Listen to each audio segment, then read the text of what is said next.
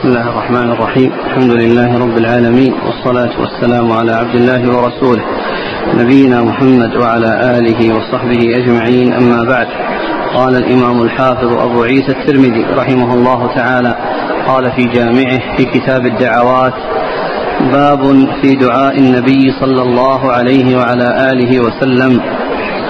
قال حدثنا أحمد بن إبراهيم الدورقي قال حدثنا عمر بن حفص بن غياث قال حدثنا أبي عن الحسن بن عبيد الله عن عطاء بن السائب عن عبد الله بن أبي أوفى رضي الله عنه أنه قال كان رسول الله صلى الله عليه وعلى آله وسلم يقول اللهم برد قلبي بالثلج والبرد والماء البارد اللهم نق قلبي من الخطايا كما نقيت الثوب الأبيض من الدنس.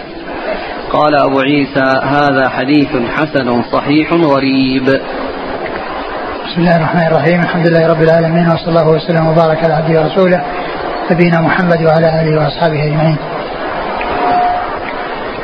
أما بعد فقد أورد أبو عيسى رحمه الله في جامعه هذا الحديث في دعاء النبي عليه الصلاة والسلام وأنه عليه السلام قال اللهم برد قلبي بالبرد بالبرد بالثلج والبرد. بالثلج والبرد. والماء البارد. اللهم طهر قلبي اللهم برد قلبي بالثلج والبرد والماء البارد. وقد جاء في بعض الروايات طهر قلبي بدل برد قلبي. وهذا فيه آه، آه، الدعاء بطهارة القلب ونظافته. وأنه آه، يعني يزول ما فيه كما يزول آه، كما يطهر الثوب من ما يعلق به فيكون نقيا نظيفا طاهرا. وذكرت هذه الأشياء لأن التنظيف والتطهير إنما يكون بها. اللهم برد قلبي بالثلج والبرد. والماء البارد وكلها هي نوع واحد لأن الثلج والبرد والماء البارد كله كله ماء والمقصود من ذلك هو التنقية هو حصول تمام التنقية وتمام النظافة نعم و اللهم نق قلبي من الخطايا كما نقيت الثوب الأبيض من الدنس. اللهم نق قلبي من الخطايا كما ينقى الثوب الأبيض من الدنس.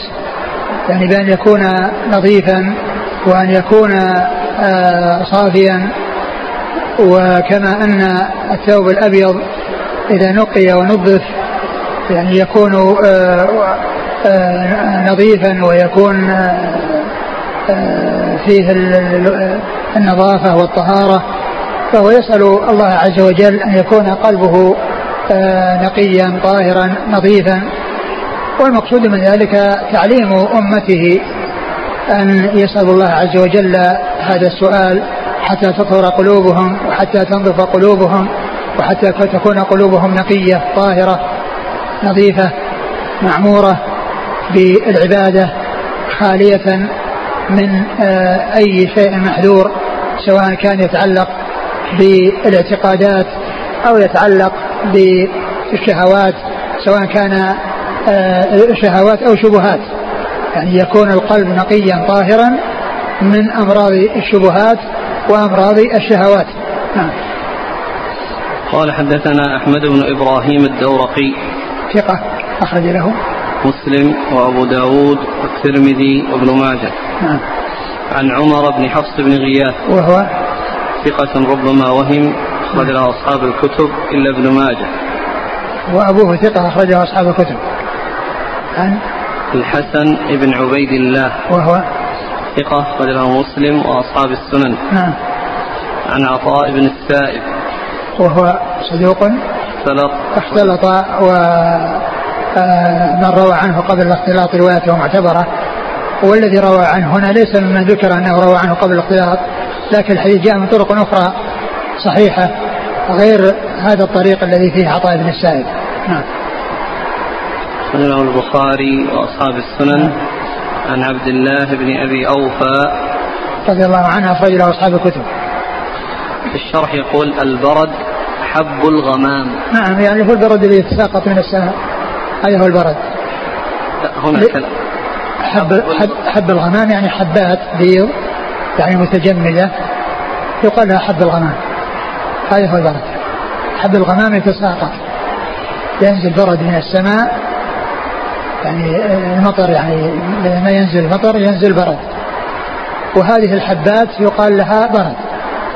نعم.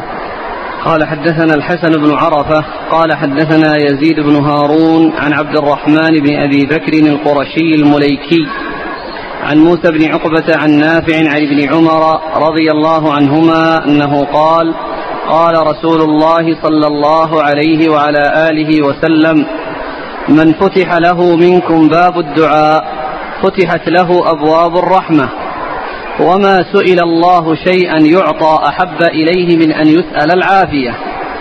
وقال رسول الله صلى الله عليه وسلم إن الدعاء ينفع مما نزل ومما لم ينزل فعليكم عباد الله بالدعاء. قال هذا حديث غريب لا نعرفه إلا من حديث عبد الرحمن بن أبي بكر القرشي. وهو ضعيف في الحديث. ضعفه بعض أهل العلم من قبل حفظه. وقد روى إسرائيل هذا الحديث عن عبد الرحمن بن أبي بكر عن موسى بن عقبة عن نافع عن ابن عمر عن النبي صلى الله عليه وسلم أنه قال ما سئل الله شيئا أحب إليه من العافية. ثم أورد أبو عيسى هذا الحديث. ال ال عن عبد الله بن عمر رضي الله تعالى عنهما أن النبي صلى الله عليه وسلم قال من فتح له منكم باب الدعاء فتحت له أبواب الرحمة. من فتح له منكم باب الدعاء فتحت له أبواب الرحمة. يعني من فتح الله عز وجل عليه بأن يكون داعيا لله وأن يكون ذاكرا لله وأن يكون قلبه معمورا بذكر الله عز وجل ولسانه آه، عامرا بذكر الله فيكون ذاكرا بقلبه ولسانه. فتحت له أبواب الرحمة. فتحت له أبواب الرحمة لكونه آه، داعيا ولكونه راجيا لله عز وجل ولكونه أخذ بالأسباب التي آه، آه، يكون بها قبول الدعاء وهي أن يكون فتح له باب الدعاء بمعنى أنه يسر له وهيئ له أن يكون داعيا وأن يكون مقبلا على الله عز وجل. فتفتح له أبواب الرحمة. وما سئل وما سئل الله شيئا يعطى أحب إليه من أن يسأل العافية. وما سئل الله عن شيء يعطى أحب إليه من أن يسأل العافية. أن يسأل العافية. وهي السلامة في الدنيا والآخرة. نعم. وقال صلى الله عليه وسلم إن الدعاء ينفع مما نزل ومما لم ينزل فعليكم عباد الله بالدعاء. وقال عليه الصلاة والسلام إن الدعاء ينفع مما نزل ومما لم ينزل فعليكم عباد الله بالدعاء. والدعاء ينفع مما نزل وذلك برفعه وذلك برفع النازل. يعني البلاء يعني يكون واقعا ويكون نازلا فيحصل الدعاء فيرفع الله عز وجل البلاء. ومما لم ينزل وذلك بدفعه. بدفعه فلا يقع. بدفعه فلا يقع. فيكون الدعاء ينفع مما نزل وذلك برفعه بعد وقوعه ويكون بما لم يقع مما لم يقع وذلك بدفعه. يعني قبل وقوعه فلا يحصل. فيكون ذلك من الأسباب التي يكون بها السلامة من الشر فلا يقع؟ أو التخلص منه والسلامة منه بعد أن يقع. ولهذا قال عليه السلام فعليكم عباد الله بالدعاء. يعني في جميع أحوالكم فيما تخافون وفيما تخشون حصوله وقوعه وفي ما وقع وحصل بأن تسلموا منه وأن يرفعه الله عنكم. فالدعاء ينفع في الدفع والرفع. في الدفع لما لم يقع والرفع لما قد وقع ولما قد حصل. آه نعم. والحديث في إسناده آه عبد الرحمن هذا اللي هو المليكي وهو ضعيف وقد سبق أن مر حديث العباس رضي الله عنه أن سؤال الله العافية في الدنيا والآخرة. يعني كون العبد يسأل الله العافية في الدنيا والآخرة سبق أن مر الحديث في هذا ولكن الحديث بهذا الإسناد هو ضعيف. وأما الفقرة الثانية التي آه، هي قوله صلى الله عليه وسلم إن الدعاء ينفع بما لم يقع ومما لم يقع ذكر الشيخ الألباني في آه، صحيح الترغيب والترهيب أنه حسن لغيره. يعني معناه أن أن أن أن, أن يعني الطريقة الأولى هذه فيها المليكي والطريقة الثانية الثانية أيضا فيها المليكي ولكنه آه، حسن لغيره أي لوجود شيء يعبده ويؤيده. نعم. قال حدثنا الحسن بن عرفة. هو صدوق أخرج له. الترمذي والنسائي في عمل يوم الليلة وابن ماجه. نعم. عن يزيد بن هارون. هو ثقة أخرجه أصحاب الكتب. عن عبد الرحمن بن أبي بكر القرشي المليكي. وهو ضعيف أخرج له الترمذي وابن ماجه. نعم. عن موسى بن عقبة. ثقة أخرجه أصحاب الكتب. عن نافع عن ابن عمر. نافع مولى بن عمر ثقة أخرجه أصحاب الكتب.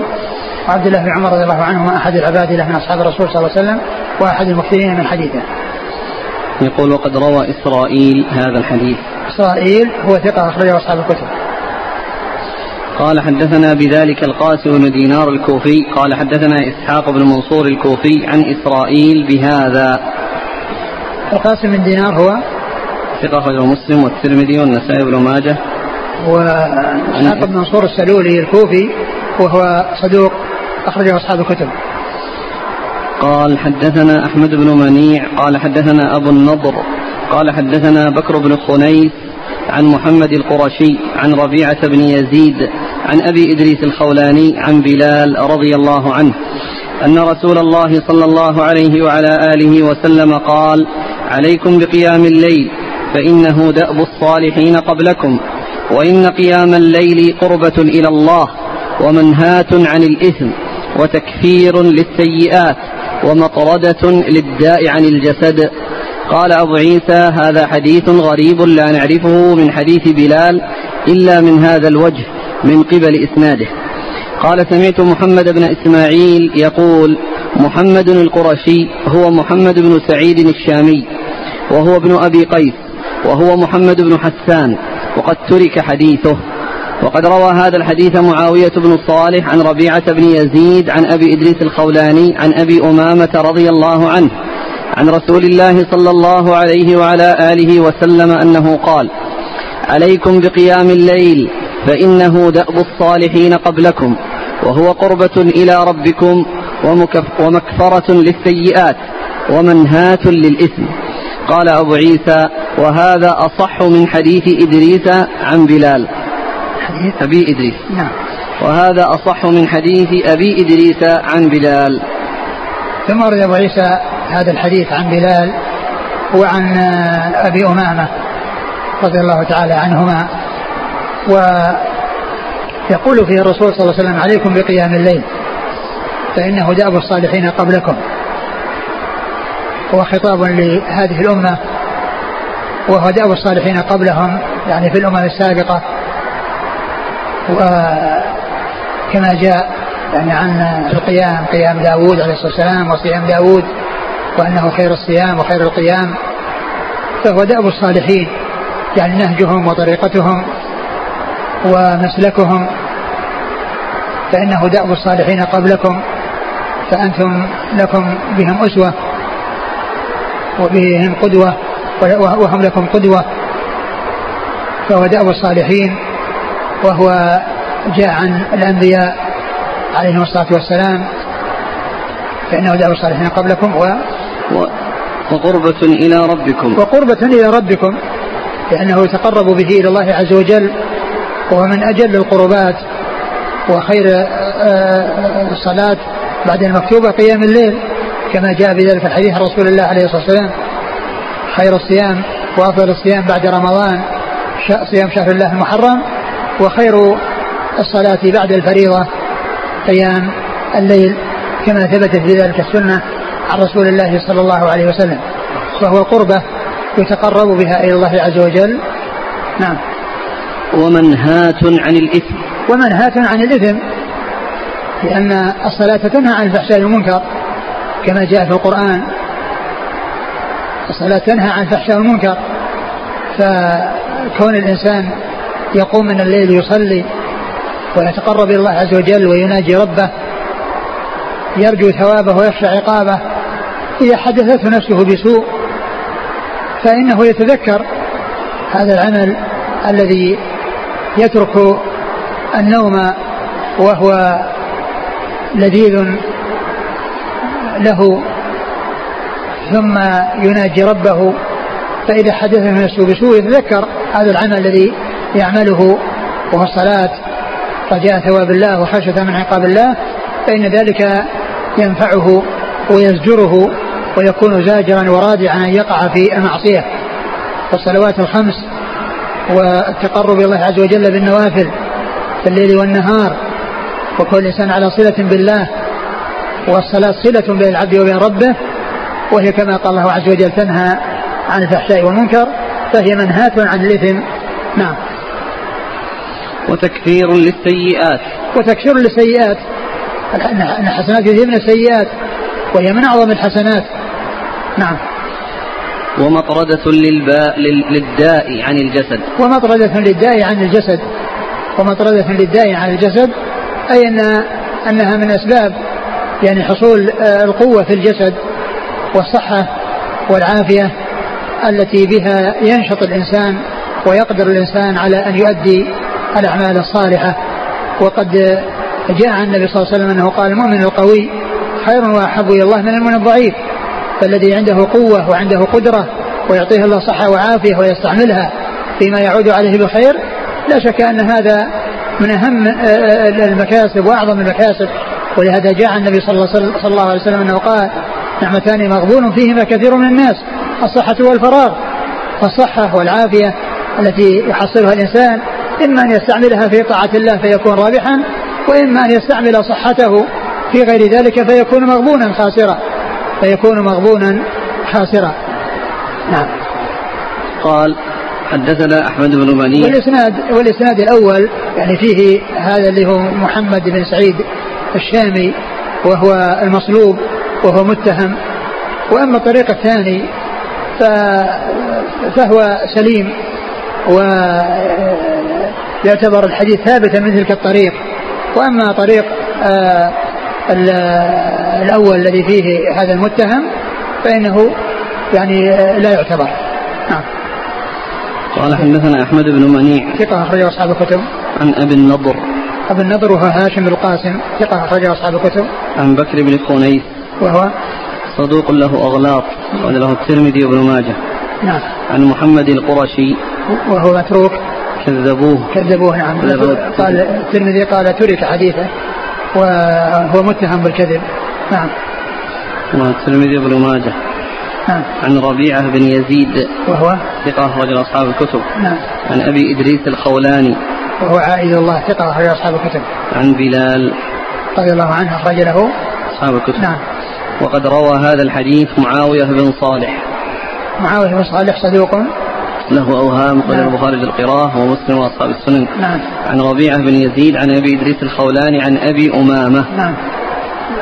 حدثنا بذلك؟ لا حدثنا بذلك هذا في الأول. أبو أمامة صديق بن عجلان ثقة صحابي أخرج أصحاب الكتب الستة. بعدين ذكر الإسناد.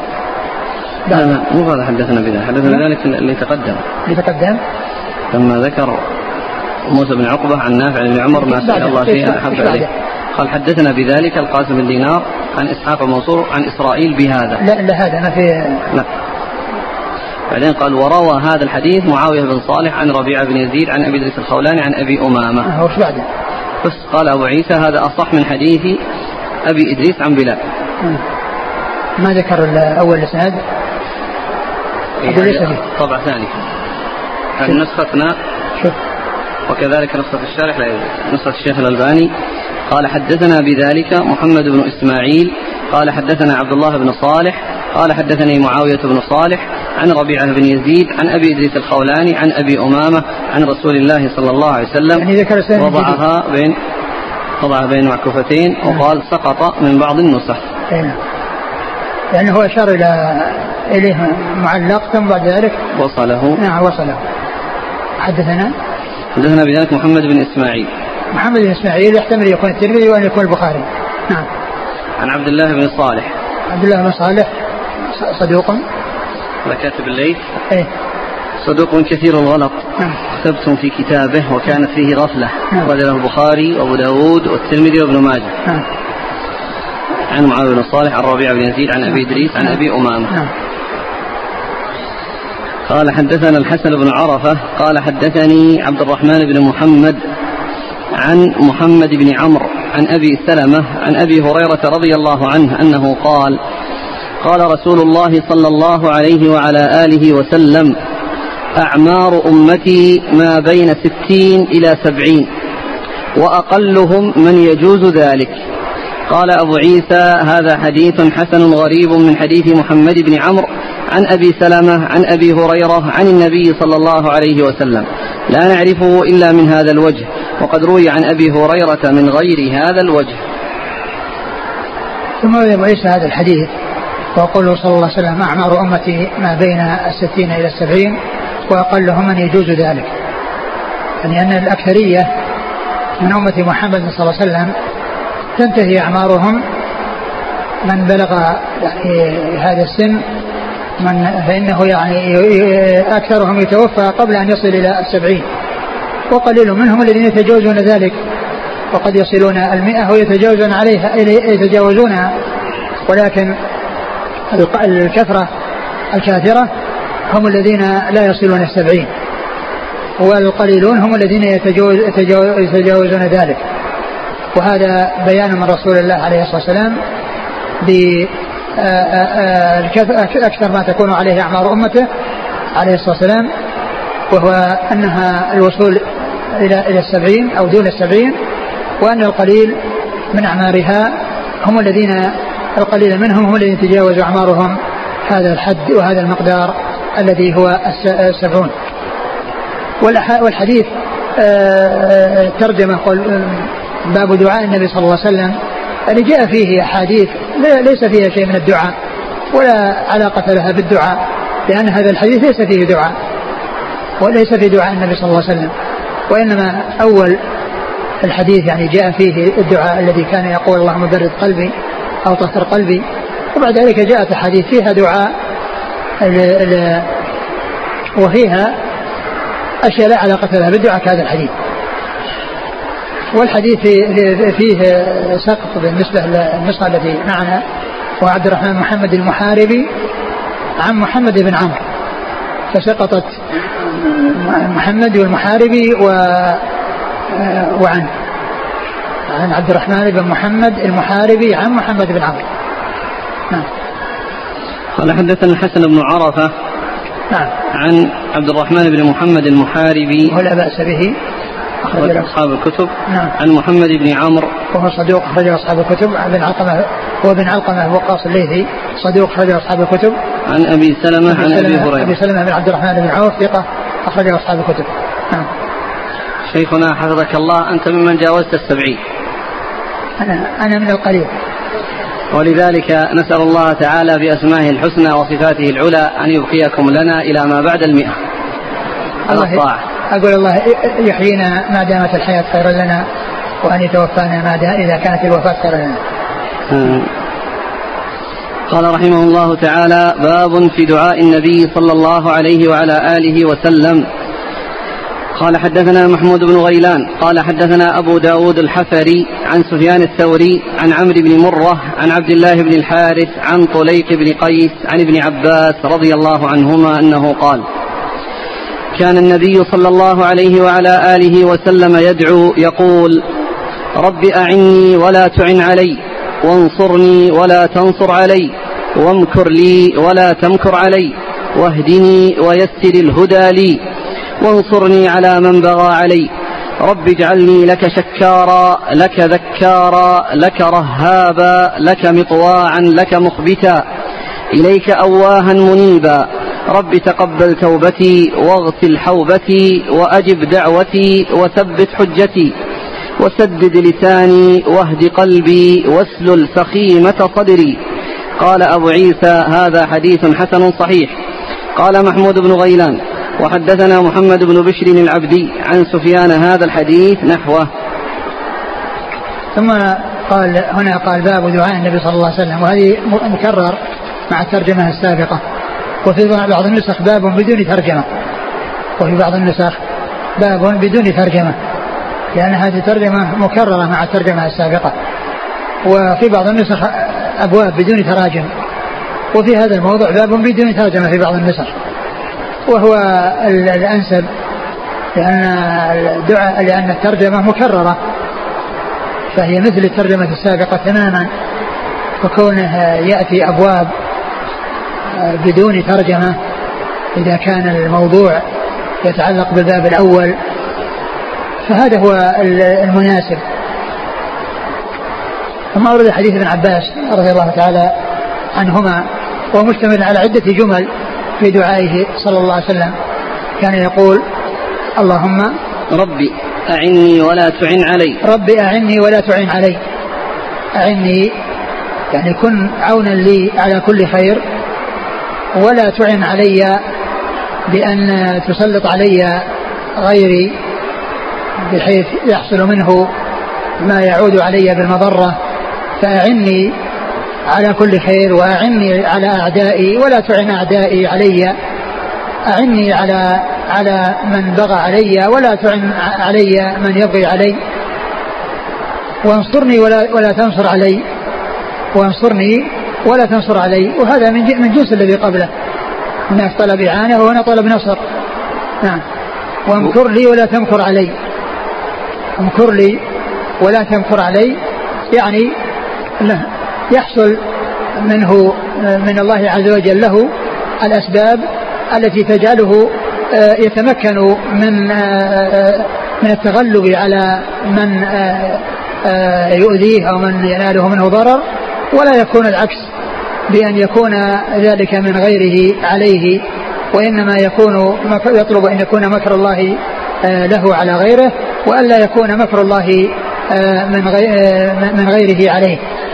و واهدني ويسر الهدى لي. واهدني يعني دلني على كل خير ويسر لي الأسباب التي توصلني إلى ذلك.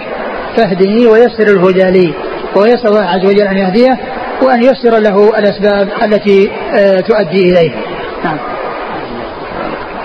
وانصرني على من بغى علي. وانصرني على من بغى علي. وهذا فيه تحديد. يعني من يكون عليه النصر وأن من يبغي عليه يسأل الله عز وجل أن ينصره عليه. وأن لا يسلط عليه ذلك الذي يبغي عليه بل يكون الله تعالى له ناصرا له على من يبغي عليه.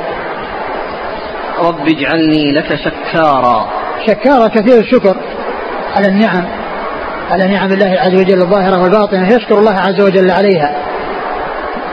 لك ذكارا نعم. لك ذكارا يعني ذاكرا لله عز وجل لسانه رطبا بذكر الله.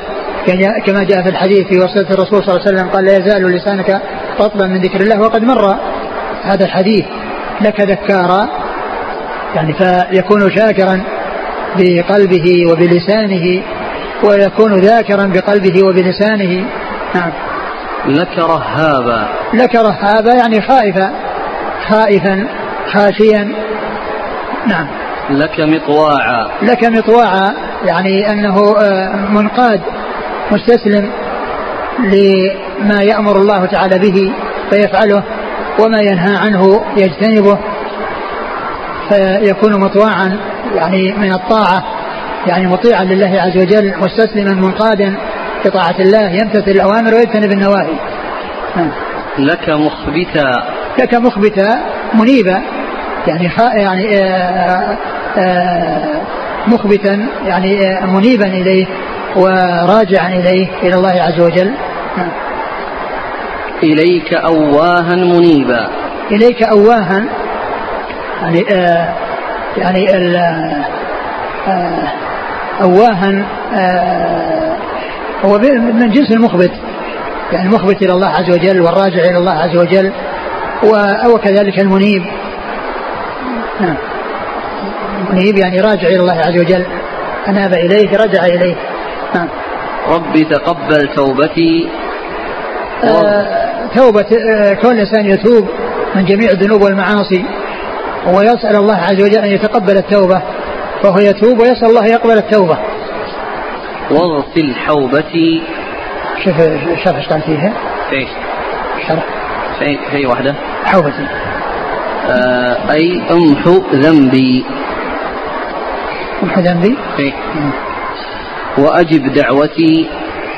يعني كون الانسان يسأل الله عز وجل يجيب سؤاله ويجيب دعاءه. نعم. وثبت حجتي. وثبت حجتي يعني في في الآخرة. يعني عند السؤال عند سؤال الملكين. وكذلك أيضا يعني في الدنيا عندما يعني يتكلم مع أحد في بيان الحق وبيان الدلالة على الخير أنه يكون موفقا بأن يكون على حجة ومظهرا الحجة ومظهرا البيان في بيان الحق في آه، رد آه، الشبهات ورد البدع. والمنكرات وذلك بالقوة والبيان. نعم. فيكون حجة في الدنيا والآخرة. نعم. وسدد لساني. وسدد لساني بأن يكون سليما من أن يحصل منه ما يعود عليه بالمضرة وإنما يكون مستعملا إياه في ما يعود عليه بالخير كما قال عليه الصلاة والسلام ما كان يؤمن بالله واليوم الآخر فليقل خيرا أو ليصمت. أي أن لسانه يتكلم بذكر الله عز وجل ويشتغل بذكر الله وبقراءة القرآن وببيان الحق والهدى والدعوة إلى الله عز وجل على بصيرة وأن يقول الحق ويهدي إليه وألا يتكلم لسانه بما يعود عليه بالمضرة أو يعود على غيره بالمضرة. نعم. واهد قلبي. واهد قلبي أن يكون قلبه مهتديا على صراط مستقيم. آآ كما قال الله عز وجل اهدنا الصراط المستقيم فيكون قلبه مهتديا والقلب إذا اهتدى تبعت ذلك الجوارح كما قال عليه الصلاة والسلام ألا وأن في الجسد مضغة إذا صلح صلح الجسد كله وإذا فسدت فسد الجسد كله ألا وهي القلب. واسلل سخيمة صدري. واسلل سخيمة صدري يعني ما يحصل فيه من الغل وما يحصل فيه من ال ال ال يعني ال ال الشحنة أو العداوة يعني بحيث يكون آه، نظيفا لا يكون فيه حقد ولا يكون فيه آه، لا يكون فيه حقد على أحد من, من عباد الله وإنما يكون سالم الصدر آه، بعيدا من أن يكون قلبه منطويا على حقد وعلى سوء طوية لغيره نعم. قال حدثنا محمود بن غيلان ثقة أخرجه أصحاب الكتب إلا أبا داود. عن أبي داود الحفري. وهو عمر بن قيس عمر بن سعد وهو ثقة أخرجه مسلم وأصحاب السنة. نعم. عن سفيان الثوري. ثقة أخرجه أصحاب الكتب. عن عمرو بن مرة. وهو ثقة أخرجه أصحاب الكتب. عن عبد الله بن الحارث. ثقة أخرج له. خالد المفرد ومسلم وأصحاب السنن. نعم. عن طليق بن قيس. وهو ثقة أخرج له. وخالد المفرد وأصحاب السنن. نعم. عن ابن عباس. نعم. قال وحدثنا محمد بن بشر العبدي. هو ثقة أصحاب الكتب. نعم. قال حدثنا هناد قال حدثنا أبو الأحوص عن أبي حمزة عن إبراهيم عن الأسود عن عائشة رضي الله عنها أنها قالت قال رسول الله صلى الله عليه وعلى آله وسلم من دعا على من ظلمه فقد انتصر. قال هذا حديث غريب لا نعرفه إلا من حديث أبي حمزة. وقد تكلم بعض أهل العلم في أبي حمزة وهو ميمون الأعور. قال حدثنا قتيبة قال حدثنا حميد بن عبد الرحمن الرؤاسي عن أبي الأحوص عن أبي حمزة بهذا الإسناد نحوه. ثم ذكر أبو عيسى هذا الحديث عن النبي صلى الله عليه وسلم أنه قال من دعا على غيره من دعا على من ظلمه فقد انتصر. من دعا على من ظلمه فقد انتصر. أي أن أن الإنسان إذا كان مظلوما ودعا على غيره فإنه حصل منه الانتصار وأنه أخذ حقه منه بحيث انتصر عليه. لكن الحديث فيه أبو حمزة القصاب هذا وهو ضعيف لا يحتج به فالحديث غير صحيح غير ثابت عن رسول الله صلى الله عليه وسلم. قال حدثنا هناد هناد بن السري ثقة أخرجه البخاري في خلق أفعال العباد ومسلم وأصحاب السنة. عن أبي الأحوص. سلام بن سليم الحنفي ثقة أخرجه أصحاب الكتب. عن أبي حمزة. عن أبي حمزة آه، وهو ميمون بن ميمون الأعور. نعم. وهو ضعيف. وله الترمذي وابن ماجه. نعم. عن إبراهيم عن الأسود. إبراهيم بن يزيد بن قيس النخعي ثقة أخرجه أصحاب الكتب. والأسود هو ثقة أخرجه أصحاب الكتب. عن عائشة. عن عائشة رضي الله عنها أم المؤمنين. وهي الصديقة بنت الصديق وممن أكثر رواية عن رسول الله عليه الصلاة والسلام وأبو حمزة القصاب اثنان. هذا في طبقة متأخرة وفي أبو حمزة القصاب آه، من التابعين وهو يروي عن ابن عباس وهو أحد وهو الذي روى عنه عن ابن عباس حديث الحديث في معاوية لا أشبع الله بطنه في صحيح مسلم فإنه من رواية أبي حمزة القصاب عن ابن عباس. فأبو حمزة القصاب المتقدم ثقة وأما ثقة أو صدوق وأما المتأخر فإنه ضعيف. قال حدثنا قتيبة عن حميد بن عبد الرحمن الرؤاسي. وهو ثقة أخرج أصحاب الكتب. نعم. قال رحمه الله تعالى باب قال حدثنا موسى بن عبد الرحمن الكندي الكوفي قال حدثنا زيد بن حباب قال وأخبرني سفيان الثوري عن محمد بن عبد الرحمن بن أبي ليلى عن الشعبي عن عبد الرحمن بن أبي ليلى عن أبي أيوب الأنصاري رضي الله عنه أنه قال قال رسول الله صلى الله عليه وعلى آله وسلم من قال عشر مرات لا إله إلا الله وحده لا شريك له له الملك وله الحمد يحيي ويميت وهو على كل شيء قدير. كانت له عدل أربع رقاب من ولد إسماعيل. قال وقد روي هذا الحديث عن أبي أيوب موقوفا. ثم روي أبو عيسى هذا الحديث. وقد سبق أن مر آه وهو وقد خرجه الشيخان وغيرهما. وهو من هذا الطريق. فيه ابن أبي ليلى فيه ابن أبي ليلى وهو يعني فيه ضعف. ولكن الحديث صحيح وقد مر يعني مرارا آه، عند الترمذي الحديث بهذا المعنى الذي هو كون الإنسان يقول عشر مرات لا إله إلا الله وحده لا شريك له الملك الحمد وفي بعضها يحيي ويميت ثم وهو على كل شيء قدير كان له هذا الثواب وهذا الجزاء من الله عز وجل وقد سبق أن مر الحديث. نعم. قال حدثنا موسى بن عبد الرحمن الكندي. هو. ثقة أخرجه الترمذي والنسائي وابن ماجه نعم. عن زيد بن حباب وهو صدوق أخرج له وخارج القراءة ومسلم وأصحاب السنن نعم. عن سفيان الثوري عن محمد بن عبد الرحمن بن أبي ليلى وهو صدوق سيء الحفظ جدا أخرج له أصحاب السنن نعم. عن الشعبي وعامر بن شراحيل ثقة أخرج أصحاب الكتب. عن عبد الرحمن بن أبي ليلى ثقة أخرج أصحاب الكتب. عن أبي أيوب. أبو أيوب الأنصاري خالد بن زيد رضي الله عنه أخرج أصحاب الكتب. قال حدثنا محمد بن بشار قال حدثنا عبد الصمد بن عبد الوارث قال حدثنا هاشم وهو ابن سعيد الكوفي.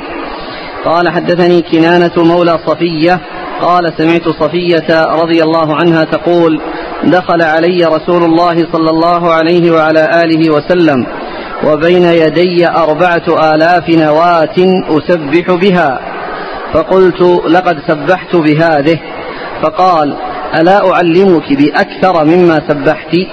فقلت علمني. قال قولي سبحان الله سبحان الله عدد خلقه. قال أبو عيسى هذا غريب. لا نعرفه من حديث صفية إلا من هذا الوجه من حديث هاشم بن سعيد الكوفي وليس إسناده بمعروف. وفي الباب عن ابن عباس رضي الله عنهما. ثم ذكر أبو عيسى هذا الحديث عن صفية أم المؤمنين رضي الله عنها أن أن النبي صلى الله عليه وسلم مر عليها وعندها أربعة ألاف آه، نواة يعني الذي هو من التمر. فقالت إنها سبحت بها. فقال ألا أدلك على ما أكثر ما أكثر ما هو أكثر من ذلك؟ تقولين سبحان الله عدد خلقه.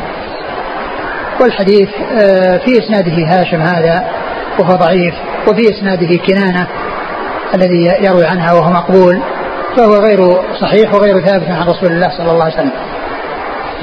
قال حدثنا محمد بن بشار. ثقة أخرجه أصحاب الكتب. عن عبد الصمد بن عبد الوارث. وهو صدوق أخرج أصحاب الكتب. نعم. عن هاشم بن سعيد الكوفي. وهو ضعيف أخرج له. الترمذي عن كنانة مولى صفية. وهو مقبول أخرج له. البخاري في المفرد والترمذي. نعم. عن صفية. أم المؤمنين رضي الله عنها أخرجها أصحاب الكتب. قال حدثنا محمد بن بشار قال حدثنا محمد بن جعفر عن شعبة عن محمد بن عبد الرحمن قال سمعت كريبا يحدث عن ابن عباس رضي الله عنهما عن جويرية بنت الحارث رضي الله عنها أن النبي صلى الله عليه وعلى آله وسلم مر عليها وهي في مسجد ثم مر النبي صلى الله عليه وسلم بها قريبا من نصف النهار فقال لها ما زلت على حالك فقالت نعم قال الا اعلمك كلمات تقولينها سبحان الله عدد خلقه سبحان الله عدد خلقه سبحان الله عدد خلقه سبحان الله رضا نفسه سبحان الله رضا نفسه سبحان الله رضا نفسه سبحان الله زنة عرشه سبحان الله زنة عرشه سبحان الله زنة عرشه سبحان الله مداد كلماته سبحان الله مداد كلماته سبحان الله مداد كلماته. قال أبو عيسى هذا حديث حسن صحيح. ومحمد بن عبد الرحمن هو مولى آل طلحة وهو شيخ مدني ثقة. وقد روى عنه المسعودي وسفيان الثوري هذا الحديث. ثم أبو عيسى حديث آه، جويرية أم المؤمنين رضي الله عنها أن النبي صلى الله عليه وسلم مر عليها وهي في المسجد أي آه، الذي تصلي فيه أو مكان صلاتها. ثم مر عليها في نصف النهار وهي على حالتها. تذكر الله عز وجل وتسبحه. والرسول عليه الصلاة والسلام قال ألا أدلك؟ قال ألا. قال أعلمك كلمات تقولينها. ألا أعلمك كلمات تقولينها وهي آه، وهي قليلة وجامعة. وهي قليلة وجامعة وتغني عن آه، آه، الشيء الكثير من الأدعية. تقولين سبحان الله عدد خلقه ثم ذكرها ثلاث مرات ثم رضا نفسه ثلاث مرات ثم زنة عرشه ثلاث مرات ثم مداد كلماته ثلاث مرات. فهذا كلام جامع وواسع ويدخل تحته آه، ما هو آه، كثير العدد وما هو كبير المقدار وكبير الحجم. فقوله سبحان الله عدد خلقه ولا يعلم عدد خلق الله عز وجل إلا الله سبحانه وتعالى. وسبحان الله عز وجل رضا نفسه. نعم. سبحان الله عز وجل رضا نفسه. آه، إيش قال في الشرح أي أسبحه قدر ما يرضاه. يعني قدر ما يرضاه يعني هو المقصود من ذلك التسبيح الكثير نعم. سبحان, سبحان الله. زينة عرشه وهو مخلوق كبير. وسبحان الله عز وجل مداد كلماته. وهي ما تكتب به كلمات الله ومعلوم أن كلمات الله عز وجل لا تنتهي. فلا ينتهي آه، ينتهي المداد ولا تنتهي كما جاء ذلك في القرآن. في قول الله عز وجل قل لو كان البحر مدادا لكلمات ربي لنفد البحر قبل أن تنفد كلمات ربي ولو جئنا بمثله مددا قال ولو أن ما في الأرض من شجرة أقلام والبحر يمدهم بعد سبعة أبحر ما نفدت كلمات الله. والمعنى أن, أن, أن أنه شيء كثير. لا حصر له ولا نهاية له نعم قال حدثنا محمد بن بشار عن محمد بن جعفر هو الملقب وندر ثقة أخرج أصحاب الكتب عن شعبة ابن الحجاج الواسطي ثقة أخرج أصحاب الكتب. عن محمد بن عبد الرحمن وهو مولى آل طلحة وهو ثقة أخرج له. البخاري المفرد ومسلم وأصحاب السنن. نعم. عن كريب. كريب مولى ابن عباس ثقة أخرج أصحاب الكتب. عن ابن عباس. رضي الله عنه أخرج آه، آه، من من المكثرين حديث الرسول صلى الله عليه وسلم وجويرية هم المؤمنين رضي الله عنها أخرج حديث أصحاب الكتب الستة. قال رحمه الله تعالى باب قال حدثنا محمد بن بشار قال حدثنا ابن أبي عدي قال أنبأنا جعفر بن ميمون صاحب الأنماط عن أبي عثمان النهدي عن سلمان الفارسي رضي الله عنه عن النبي صلى الله عليه وعلى آله وسلم أنه قال إن الله حيي كريم يستحي إذا رفع الرجل إليه يديه أن يردهما خائبتين. قال أبو عيسى هذا حديث حسن غريب وروى بعضهم ولم يرفعه. ثم أبو عيسى حديث سلمان رضي الله عنه أن الله أن الله عز وجل حي, حيي كريم يستحي إذا رفع عبده إليه أن يردهما صفرا يعني خاليتين خائبتين. ففيه آه، إثبات اسم الله عز وجل الحي الحي الحيي وهو غير الحي لأن الحي من الحياة والحيي من الحياء وكريم واسع العطاء واسع الجود والإحسان يجود ويتفضل على عباده. فإذا رفع الإنسان يديه فإن الله عز وجل يستحي أن يردهما صفرا بل يستجيب دعاء هذا الداعي الذي رفعهما. وهذا يدل على استحباب رفع اليدين بالدعاء. وهذا فيما ورد فيه وفيما لم يرد آه، تركه. فإن الإنسان له أن يرفع وله أن لا يرفع. والرفع في الشيء الذي لم يأتي آه، الترك فيه إما أن يكون جاء في نص أو أنه جاء لم يأتي في نص وكل منهما ترفع فيه. الأيدي نعم. قال حدثنا محمد بن بشار عن ابن أبي عدي. وثقة أخرج أصحاب الكتب. عن جعفر بن ميمون. وهو؟ صدوق يخطئ. قال البخاري القراءة وأصحاب السنن. نعم. عن أبي عثمان النهدي. وهو ثقة أخرج له. أصحاب الكتب. نعم. عن سلمان الفارسي. رضي الله عنه أخرج أصحاب الكتب. قال حدثنا محمد بن بشار قال حدثنا صفوان بن عيسى قال حدثنا محمد بن عجلان عن القعقاع عن أبي صالح عن أبي هريرة رضي الله عنه أن رجلا كان يدعو بأصبعيه فقال رسول الله صلى الله عليه وسلم أحد أحد. قال أبو عيسى هذا حديث حسن صحيح غريب. ومعنى هذا الحديث إذا أشار الرجل بأصبعيه في الدعاء عند الشهادة لا يشير إلا بأصبع واحدة. ثم أورد أبو عيسى هذا الحديث عن النبي عليه الصلاة والسلام أنه رأى رجلا يشير بإصبعين وقيل لعلهما السبابتان يعني التي في اليمنى والتي في اليسرى. فالرسول صلى الله عليه وسلم قال له أحد يعني أشر بإصبع واحدة لأن لأنها إشارة إلى الله عز وجل وأنه واحد. فقال له أحد. والمعنى وحد. يعني لا ت... لأن الذي تشير إليه واحد والرب واحد والإله واحد هو الله سبحانه وتعالى فإذا يشار إليه بإصبع واحدة.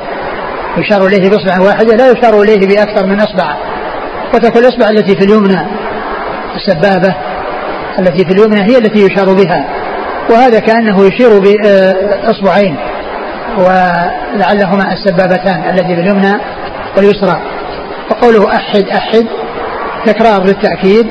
والمقصود من ذلك وحد الله عز وجل بالإشارة إليه. ثم قال أن أن الترمذي قال ومعنى هذا الحديث أن الإنسان عندما يشير يعني في آه، آآ إلى الله عز وجل يشير بإصبع واحدة. يعني فلا يشير, فلا يشير بإصبعين. فالعبارة التي قالها آه، الترمذي رحمه الله إذا أشار بإصبعين أصلا لا يشير بإصبعين.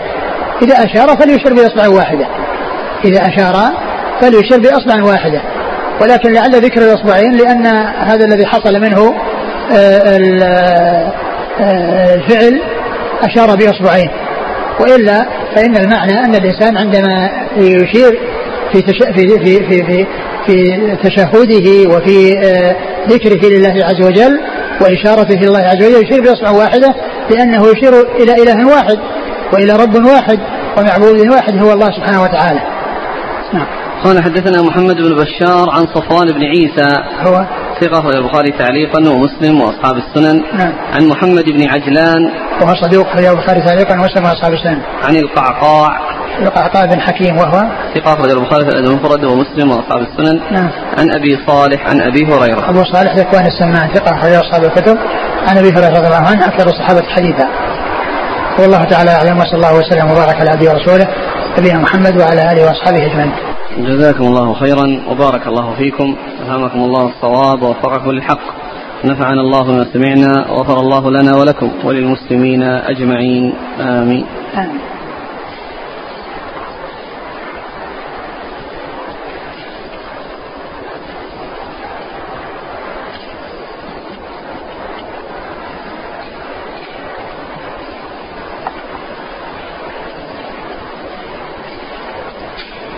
جاء عدد من الأسئلة لما جاء حديث سبحان الله بحمد عدد خلقه. يعني القياس على هذا مثلا يقول الحمد لله عدد خلقه ورضا نفسه وزنة عرشه. لا إله إلا الله عدد خلقه ورضا نفسه وزنة عرشه. أو اللهم صل على محمد عدد خلقه ورضا نفسه. الذي يبدو أنه يقتصر على ما ورد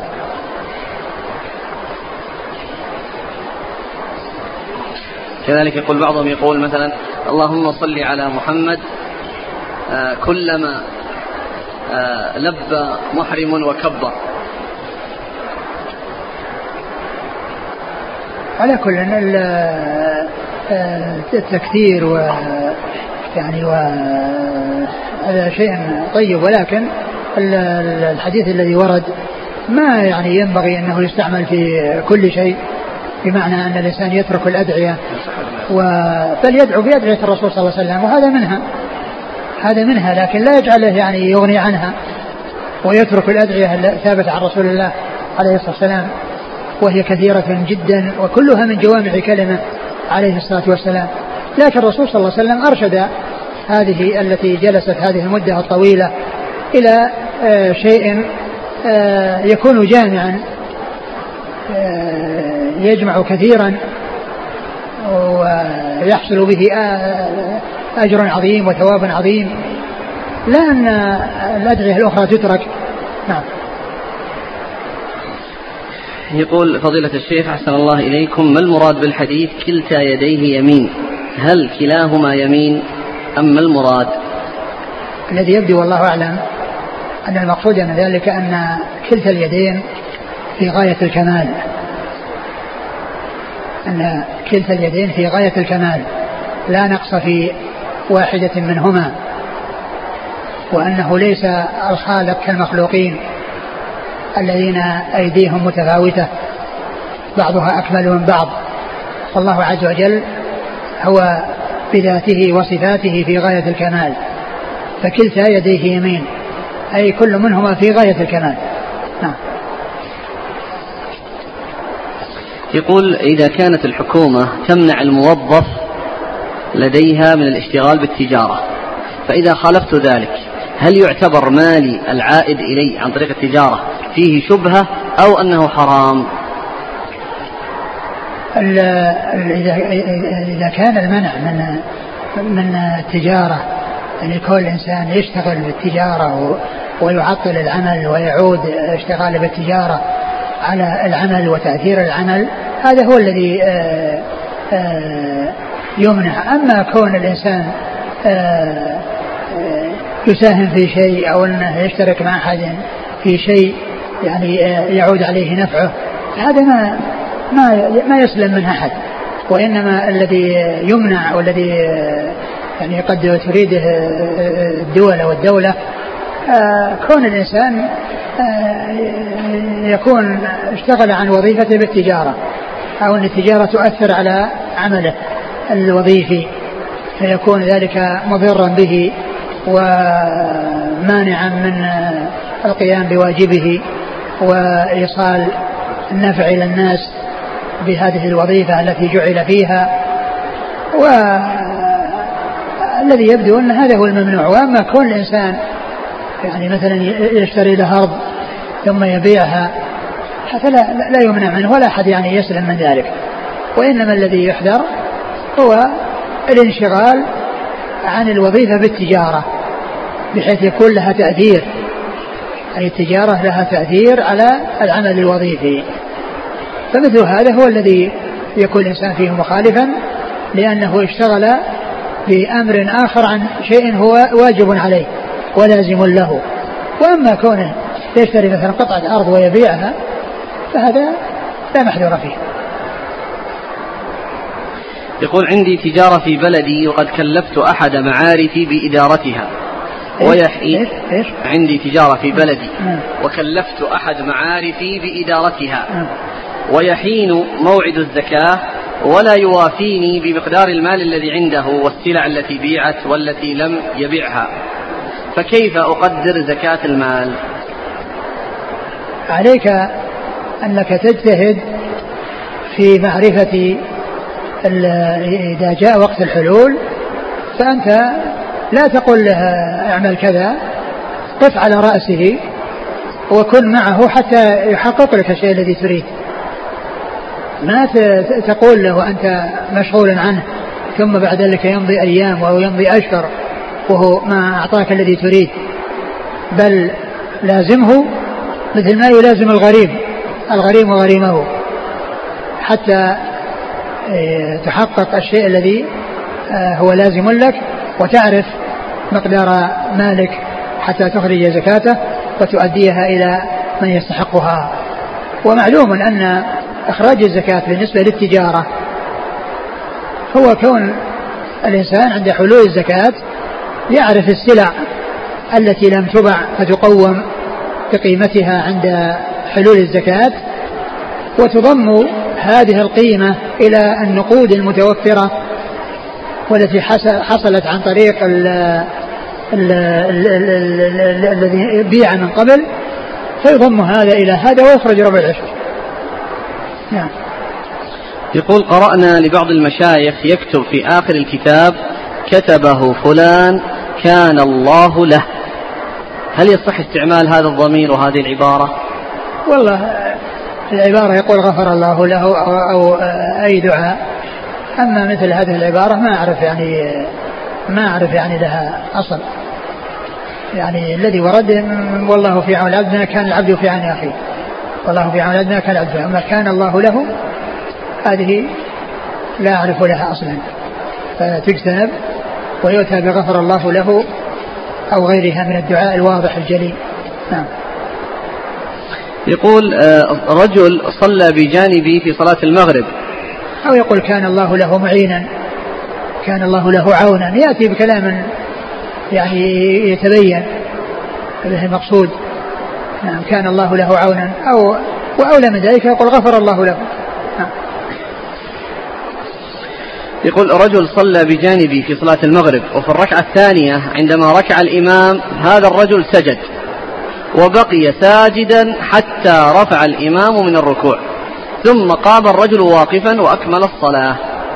ماذا يفعل هذا الرجل مع أنه ترك ركن الركوع؟ هذه آه، أقول هذه الركعة التي حصل فيها هذا هي لاغية وغير صحيحة وعليه أنه يقضي ركعة بعد السلام. وإذا كان مضى وقت فإنه يعيد الصلاة يعيد الصلاة كاملة. ولكنه في عند الانتهاء فإنه يجب عليه أن يأتي بركعة بعد سلام الإمام. آه لما مر بنا الحديث آه، أعمار أمتي ما بين الستين إلى السبعين يقول هذا الأخ ذكر ابن حجر في الفتح وقد استنبط منه بعض الشافعية أن من استكمل ستين سنة فلم يحج مع القدرة فإنه يكون مقصرا ويأثم إن مات قبل أن يحج بخلاف ما دون ذلك. على كل الحج على الفور ليس على التراخي الحج على الفور وليس على التراخي ومن كان قادرا فعليه أن يبادر وليس له أن يؤخر. ولو كان في في سن مبكر يعني بعد البلوغ. نعم.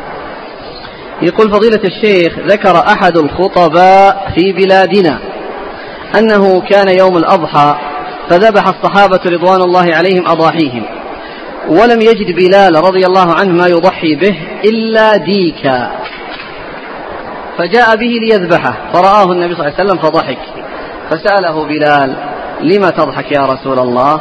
قال مؤذن يذبح مؤذنا. أقول هذا الكلام الأخير يكفي. أقول يكفي.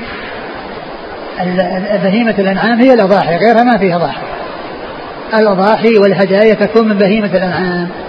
لا تكون في غير ذلك. لا دجاج ولا غير دجاج. جزاكم الله خيرا. سبحانك اللهم وبحمدك أشهد أن لا إله إلا أنت.